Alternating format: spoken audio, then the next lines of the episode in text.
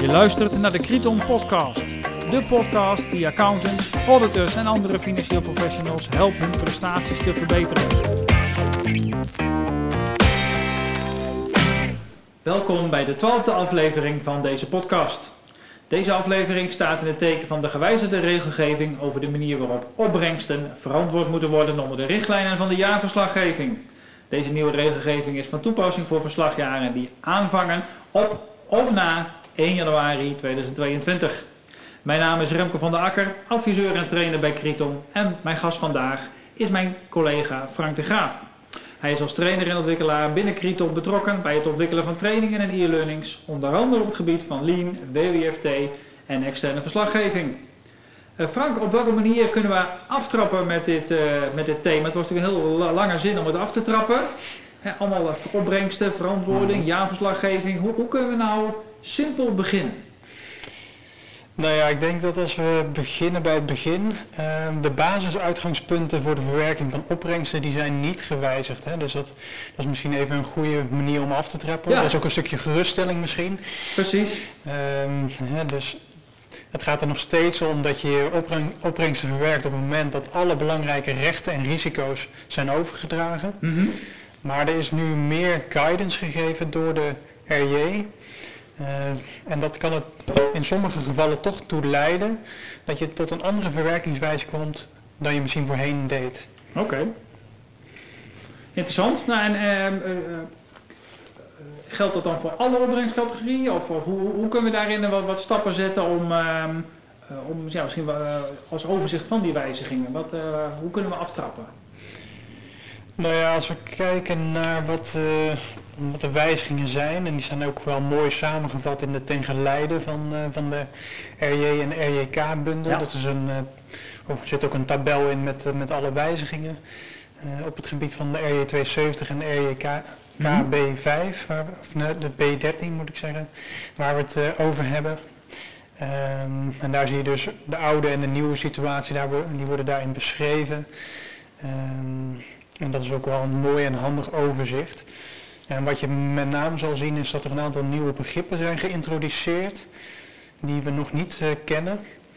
En uh, daar is bijvoorbeeld de prestatieverplichting is daar een, een goed voorbeeld van. Mm -hmm. En heel veel van de wijzigingen die worden ook opgehangen aan die prestatieverplichtingen. Want die bepalen uiteindelijk ook hoe je het moet verwerken en wanneer je de opbrengsten moet verwerken.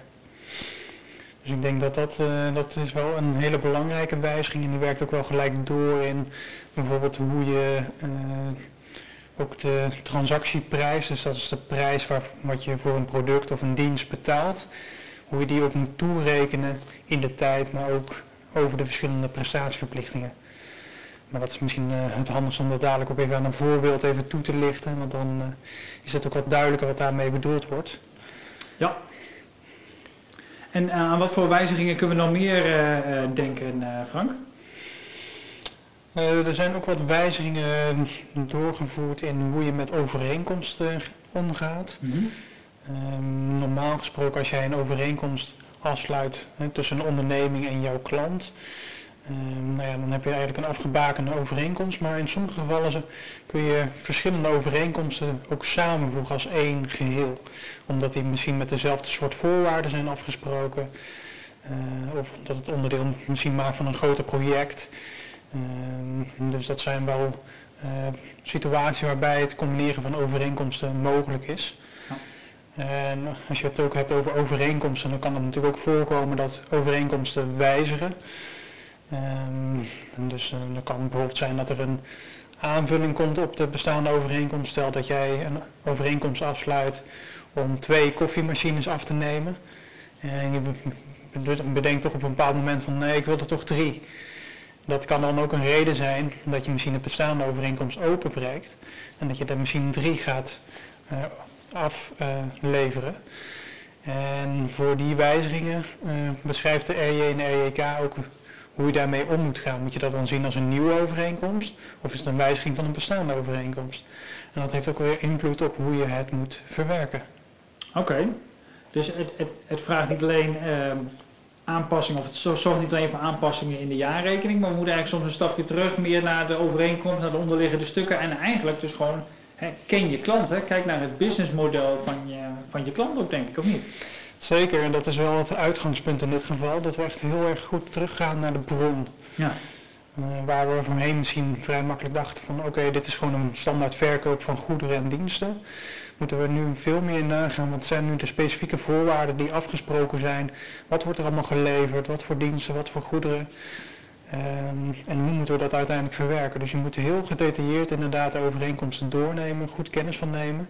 En natuurlijk als het heel veel van dezelfde soort standaard overeenkomsten zijn die worden afgesloten, is dat vrij makkelijk. dan kan je natuurlijk heel veel overeenkomsten in één keer uh, afdekken. Maar als het natuurlijk heel veel verschillende overeenkomsten zijn, of het zijn echt producten of diensten die op maat worden geleverd, ja, dan zul je toch heel scherp moeten zijn op wat er precies afgesproken is. Ja.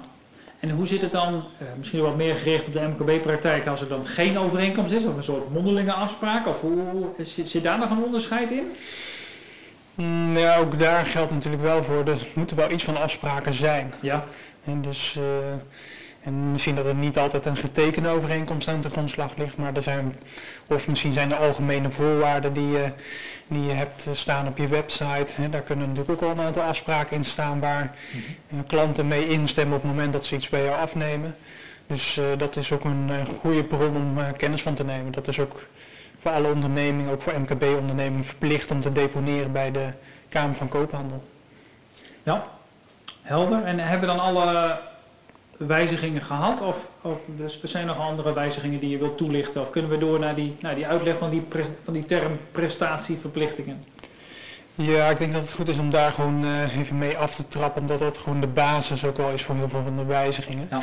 En dan komen we gaandeweg nog wel langs de andere punten eh, die ik net al even kort uh, aanstipte. Graag. Ja, als we kijken naar het begrip prestatieverplichtingen, dat is dus een nieuw begrip. En een prestatieverplichting, ja, dat zijn de te onderscheiden goederen en diensten binnen de context van de overeenkomst. Hadden we het natuurlijk net al over, de overeenkomst is dus de basis. Maar je moet daar dus in gaan kijken wat nu de verschillende goederen en diensten zijn die worden aangeboden.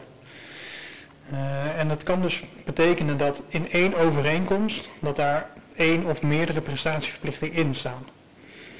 En ja, wat ik net al zei, het onderscheid tussen die verschillende prestatieverplichtingen is belangrijk, omdat je de opbrengsten dus moet verwerken per afzonderlijke prestatieverplichting. Nou, misschien even te handig om gewoon even een voorbeeld erbij te pakken.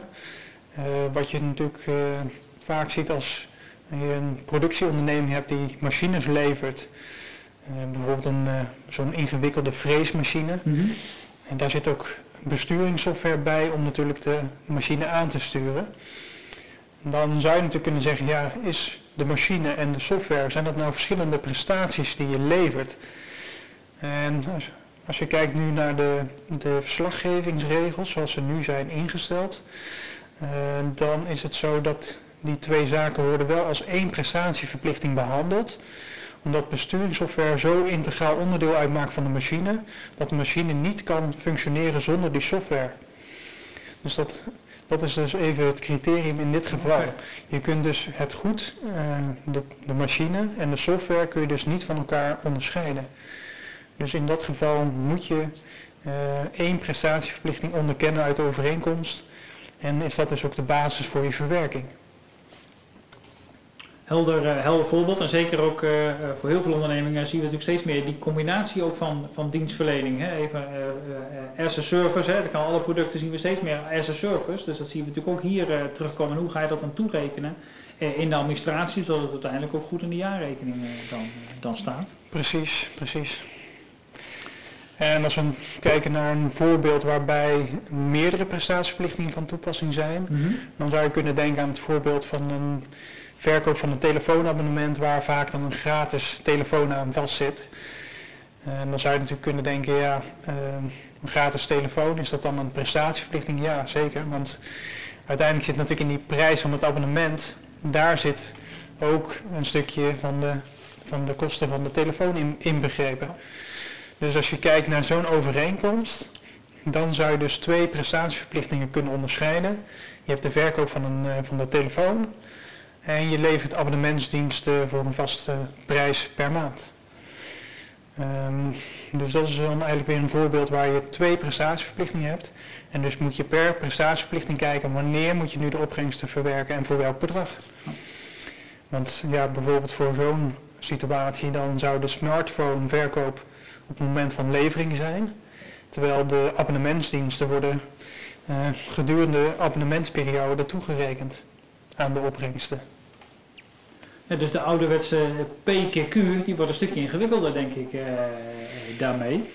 En uh, dus het bepalen van die, van die P, die prijs, die transactieprijs, die wordt um, ook belangrijker, denk ik. Het aantal op zich, dat verandert niet, hè, dat, dat, mhm. dat weten we. Dat is ook geregistreerd ook in het systeem van de klant. Uh, hoe kunnen we meer als accountant meer uh, onderbouwing, gevoel krijgen, toerekening krijgen rondom die transactieprijs? Ja, daarvoor moeten we denk ik eerst even begrijpen wat nu die transactieprijs precies is. Ja. En uh, de transactieprijs is het bedrag wat je hebt afgesproken in de overeenkomst. Nou, dat klinkt best wel simpel, alleen het kan best wel ingewikkeld worden. Want als je overeenkomsten bijpakt, uh, dan zie je dat die ook wel steeds complexer worden qua prijsconstructies. Soms is het gewoon een vaste vergoeding, soms zit er ook nog een variabele vergoeding in. Uh, soms is het een combinatie van beide. En dat maakt het best wel lastig. Um, kijk, variabele vergoedingen, dan kan je wel bij voorstellen dat dan de transactieprijs van afhankelijk van de situatie hoger of lager uitvalt. Mhm. Dus dat is bijvoorbeeld het geval bij uh, bepaalde kortingen, zoals een kwantumkorting of een betalingskorting. Um, maar het kan natuurlijk ook zijn dat uh, als de klant ontevreden is over een product, dat daar dan de teruggave is ook een soort van variabel component. Want dat kun je niet van tevoren helemaal betrouwbaar inschatten. Um, dus daar zit ook een soort van schattingselement in dat je van tevoren bij het aangaan van de overeenkomst moet inschatten hoe groot wordt die variabele component. En dat is best wel lastig natuurlijk. Dus uh, daar geeft de verslaggeving ook wel aan dat je daar ook een zekere mate van voorzichtigheid moet hanteren. En uh, dat je op basis van de beste schatting, dat je de variabele vergoeding en de uiteindelijke transactieprijs moet bepalen. Bijvoorbeeld dan eh, dat je alvast rekening houdt met een bepaald aantal retouren, bedoel je dat? Qua percentage of ervaringscijfer mhm. of inschatting van, uh, van het management? Ja, zeker. Retour is daar ook een uh, voorbeeld van. Daar zit natuurlijk ook een, een, een schattingselement in. Ja. En ja, kijk, afhankelijk van een, een, soort bedrijf kun je het wel of niet makkelijk inschatten. Hele grote webshops die hebben daar natuurlijk best wel betrouwbare ervaringscijfers in. En die kunnen heel nauwkeurig ook inschatten van oké, als ik dit verkoop, dan schat ik in dat ongeveer zoveel procent terugkomt. Ja. En daar kun je dus dan ook een hele betrouwbare inschatting van, uh, van die retourpercentage maken. En dan hou je daar dus ook rekening mee in, uh, in de verantwoording van je opbrengsten. Ja. dan heb je het eigenlijk alleen nog maar over de, de hoogte van de transactieprijs. Hè? Die weet je dan. En dan is het nog weer de vraag, hoe ga je die dan aan welke periode toerekenen? Kun, kun je daar iets over, uh, over toelichten? Uh, ja, de, de toerekening, toerekening, per periode, ja, dat is natuurlijk ook afhankelijk van wat voor uh, prestatieverplichting het is. Hè. Dus ja.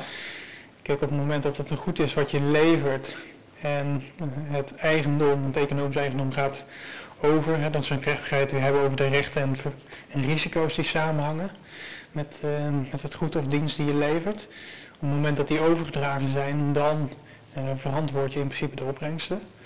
Ehm, maar bij diensten bijvoorbeeld is dat vaak weer uitgesplitst over een langere periode. Dus zul je het ook in de tijd moeten toerekenen.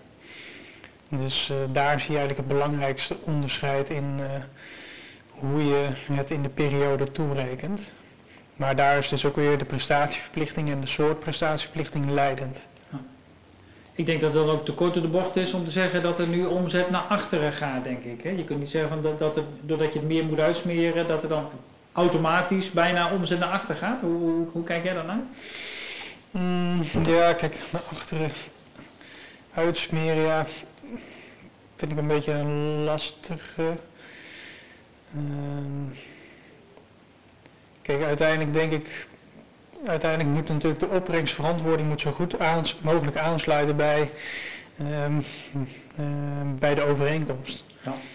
Dus ik heb het idee dat met de guidance die nu wordt uh, geboden, dat je daar ook tot een betere verantwoording komt. Ja. Um, En ik, ja, natuurlijk, we moeten altijd als accountant wel bedacht zijn op het risico dat het management natuurlijk met de opbrengsten ehm, dat hij daar natuurlijk kan, uh, kan manipuleren. Dat is natuurlijk ook een uh, verondersteld frauderisico. Dus dat is wel iets om rekening mee te houden. maar ik denk niet op zich dat dat risico anders wordt door deze wijziging. Wat ik al zei aan het begin, op zich is de basis, uitgangspunten zijn niet gewijzigd. Alleen door de guidance die nu wordt geboden, kan het wel zijn dat je tot een andere verwerkingswijze komt. Ja, en dan soms dus misschien de omzet wat later, maar soms natuurlijk juist de omzet dus eerder, hè, als ik uh, ja. het verhaal goed kan samenvatten. Ja. Mooi. Nou, dit klinkt nog wel misschien wat theoretisch en wat, uh, wat abstract. Eh, kun je een voorbeeld delen met onze luisteraars om het misschien wat concreter te maken? Jazeker. Um, nou ja, als we het misschien even hebben over die transactieprijs. Wat we net ook al even kort aanstipten was het toerekenen van die transactieprijs is ook een belangrijk element. Mm Want je hebt dus verschillende prestatieverplichtingen, maar je moet dus ook de transactieprijs naar de verschillende prestatieverplichtingen toerekenen. En uh, dat wordt vaak wat lastiger op het moment dat je gaat hebben over een soort van pakketprijzen. Dat zie je natuurlijk steeds vaker, dat wij bijvoorbeeld een product kopen en dat er gelijk ook een dienst wordt geleverd voor een vast bedrag. En een goed voorbeeld daarvan is, stel dat ik bijvoorbeeld een nieuwe auto koop en ik krijg daarbij gewoon een uh, onderhoudsabonnement voor 24 maanden. En dat, daar betaal ik gewoon een vast bedrag voor van 21.500 euro. Dat is even het voorbeeld wat ik dan uh, voor nu neem. Ja, auto en onderhoud, hè? Dan Precies, dat is allemaal voor, hetzelfde, voor dezelfde prijs. Mm -hmm. um, en als je dat dan zou terugrekenen van, nou, hoeveel is dat dan ongeveer um, per prestatieverplichting, ja, dan zul je dus eerst moeten kijken welke prestatieverplichtingen hebben we. Nou, hier kun je op zich hetzelfde principe hanteren als we net deden voor het telefoonabonnement en de telefoon. We hebben de levering van de auto is een prestatieverplichting en het onderhoudsabonnement is ook een prestatieverplichting. En als we nu willen bepalen hoe moeten we nu die 21.500 toerekenen aan die twee prestatieverplichtingen, ja, dan zullen we moeten kijken naar wat is de zelfstandige verkoopprijs van die twee componenten. En de zelfstandige verkoopprijs is dan het bedrag wat je normaal gesproken zou betalen als je het gewoon los afneemt. Dus wat is dan bijvoorbeeld de losse verkoopwaarde van de auto? Mhm. En wat is de losse uh, maandbedrag voor het onderhoudsabonnement? Nou ja, laten we even vanuit gaan dat uh, voor, de, voor de auto dat we daar 21.000 euro normaal gesproken los voor betalen. En voor het onderhoudsabonnement dat we daar bijvoorbeeld 1800 euro voor twee jaar moeten afrekenen. Ja, dan kunnen we dus op basis van die gegevens kunnen we gaan uitrekenen van oké, maar hoeveel uh, is dan zeggen, de, het component of elk component waard. Dus dan gaan we dus het, de totale zelfstandige verkoopprijs mm -hmm. van de twee componenten, dus dat is die 21.000 euro en die 18, 1800 euro, dat is dus samen 22.800 euro. Dan gaan we daar, die gaan we naar rato toerekenen aan de pakketprijs. Dus als we kijken naar de auto, rekenen we daar 21.000 gedeeld door 22.800 maal 21.500, kom je op 19.802 euro. Dat is niet een mooi rond bedrag. Precies, schrijft u mee, uh, luisteraar. hè? Maar, uh... doe ik ook even niet uit mijn hoofd, dit, uh, dit rekenen, ja. geef ik eerlijk toe. Um, maar dat is dan het bedrag wat je dus voor de auto toerekent van die pakketprijs van 21.500. Ja. En voor dat onderhoudsabonnement is dan natuurlijk het restant van die 21.500. Uh, dat is in dit geval dan 1698. En dan kom je dus tezamen voor die twee componenten op die 21.500 euro uit.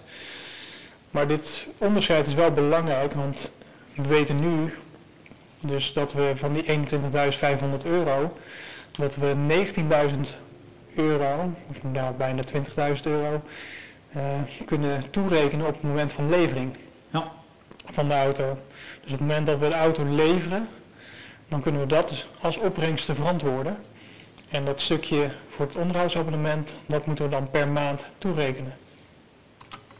Helder, dus als ik het, uh, ik snap voor de luisteraars wellicht ingewikkeld om een cijfermatige voorbeeld misschien wat mee te, mee te volgen. Maar ik snap de logica, denk ik, erachter. En zeker als je misschien nog even een paar keer terugluistert, een paar, een paar seconden terug doet en dan nu luistert, is het goed, goed te volgen. Dat het vooral belangrijk is, hè, die zelfstandige verkoopwaarde van beide prestatieverplichtingen goed te, berekenen. En daarna ga je dat dus ook naar rato toerekenen. En terecht wat je net ook zei, hè, zodat het van belang is, hè, het geleverde goed is direct. En die onderhoudsdiensten, het abonnement, dat smeer je dan uit over de, over de periodes. Nou, het belangrijk zeg maar, om daar ook nou, bewuster van te zijn. Uh, we hebben net een autoprijs genoemd van 20.000 en we horen een totaalprijs van 21.500 en, nou, en we komen nu weer op een autoprijs van onder de 20.000. Dus we zien heel veel variabelen daarbij. Uh, dus belangrijk dat je hier als accountant uh, aandacht aan schenkt en eigenlijk zo'n simpel voorbeeldje als een auto en een onderhoudsabonnement geeft gewoon wat, wat rekenwerk. Dus belangrijk om daar op die manier uh, aandacht aan te schenken in je werkzaamheden om daarmee te voldoen aan uh, ja, de gewijzigde regelgeving. Ja, misschien ook wel goed om aan te geven is dat dit misschien een van die punten is die, die misschien nu anders zou uitpakken dan je voorheen misschien deed. Ja. Waar we misschien voorheen dachten van, nou het is gewoon één prijs en als de auto geleverd is, neem ik gewoon de totale omzet. Ja. Zie je nu dus dat er wel echt heel duidelijk dat onderscheid wordt gemaakt in die prestatieverplichtingen. Dus dat, dat kan dus een, een belangrijke wijziging zijn die wel iets betekent voor jouw klant. Ja. En ook voor jou als accountant. Even heel praktisch ten aanzien van de jaarrekening. Is er dan ook een stelselwijziging of hoe gaan we hiermee om? Nou ja, de, als we kijken hoe we omgaan met, uh, met de wijzigingen, dan zijn er eigenlijk twee manieren. Je kunt het inderdaad, uh, de wijziging van, uh, van van de verslaggevingsregels kun je als stelselwijziging verwerken. Dan moet je het retrospectief uh, verwerken. Ja. Dus dat betekent dus dat je voor alle lopende overeenkomsten uh, moet nagaan wat de gevolgen zijn van de wijzigingen. En dat ook uh, moet verwerken in de vergelijkende cijfers. Nou, dat is best wel ingewikkeld, -hmm. kun je je voorstellen. Want dan moet je dus echt al je overeenkomsten die op dit moment nog lopen, moet je allemaal doorpluizen. Kijken wat is er afgesproken en wat betekent dat voor de verwerking op basis van de nieuwe regels. Dus er is ook nog een alternatief, en die zal waarschijnlijk ook wat aantrekkelijker zijn voor de meeste ondernemingen, is dat je prospectief uh, de regels toepast. En dat betekent dus dat je de nieuwe regels pas gaat toepassen uh, voor de overeenkomsten die aangegaan of gewijzigd worden op of na 1 januari 2022. En dat betekent dus ook dat je vergelijkende cijfers niet hoeft aan te passen.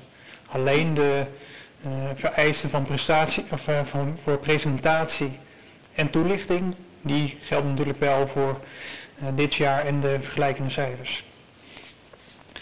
Helder. Nou, de goede toelichting. Als we denk ik richting een afronding gaan, misschien nog even het laatste onderwerp, hè, wat ook wel behoort bij die, die prestatie, uh, toerekening en ook verplichtingen is ook is, is garanties. Mm gebeurt ook zeker als je uh, goederen en diensten levert dat er bepaalde garanties worden afgegeven. Hoe, wat, wat heeft, voor impact heeft deze regelgeving daarop?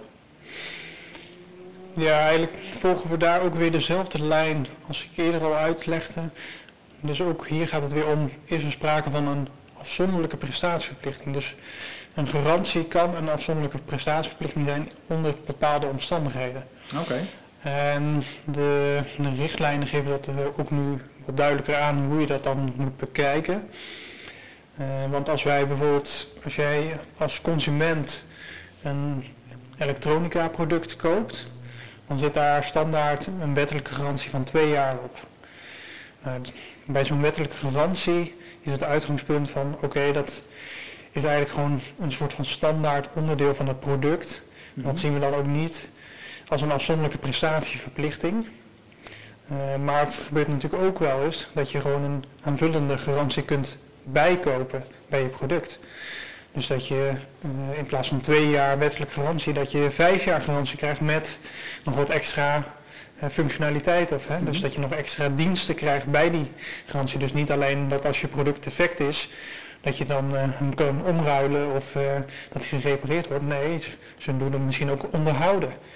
Um, hè, dat je even een keer langs kunt komen en dat ze hem nog even een keer checken. Uh, dus er worden extra diensten geleverd en op zo'n moment dan kom je dus al in die situatie terecht ehm, dat het een afzonderlijke prestatieverplichting wordt. En dan zul je die dus ook apart moeten verwerken. Ja.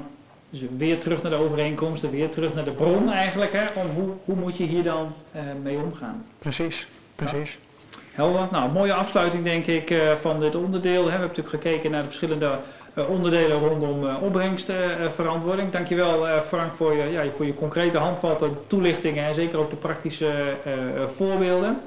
En um, uh, ik denk dat door deze gewijzigde regelgeving het inzicht wordt uh, vergroot, waardoor de gebruikers van de jaarrekening de cijfers tussen ondernemingen ook beter kunnen vergelijken, omdat die opbrengsten op een, uh, ja, op een meer uniforme manier worden gepresenteerd. Mm -hmm. En hierdoor blijft de jaarrekening van nut voor het maatschappelijk verkeer en is de jaarrekening meer dan het vastleggen van de geschiedenis. En dat brengt mij tot de zin uit het boek van Nelleke Noordervliet, De naam van de vader. Hierin staat... Geschiedschrijving is een bouwtekening maken van een gebouw dat al is afgebroken. Met deze regelgeving heeft de RJ wat mij betreft ervoor gezorgd dat de jaarrekening aansluit bij de huidige realiteit, hè, de nieuwe verdienmodellen van ondernemingen, en dat het concept van een jaarrekening dus nog lang niet afgebroken uh, hoeft te worden. Bedankt voor het luisteren en graag tot de volgende aflevering. Onze vorige afleveringen vind je op kriton.nl slash podcast of op je favoriete podcastplatform. Wil je een podcast over een specifiek onderwerp? Stuur dan je input naar podcast.kriton.nl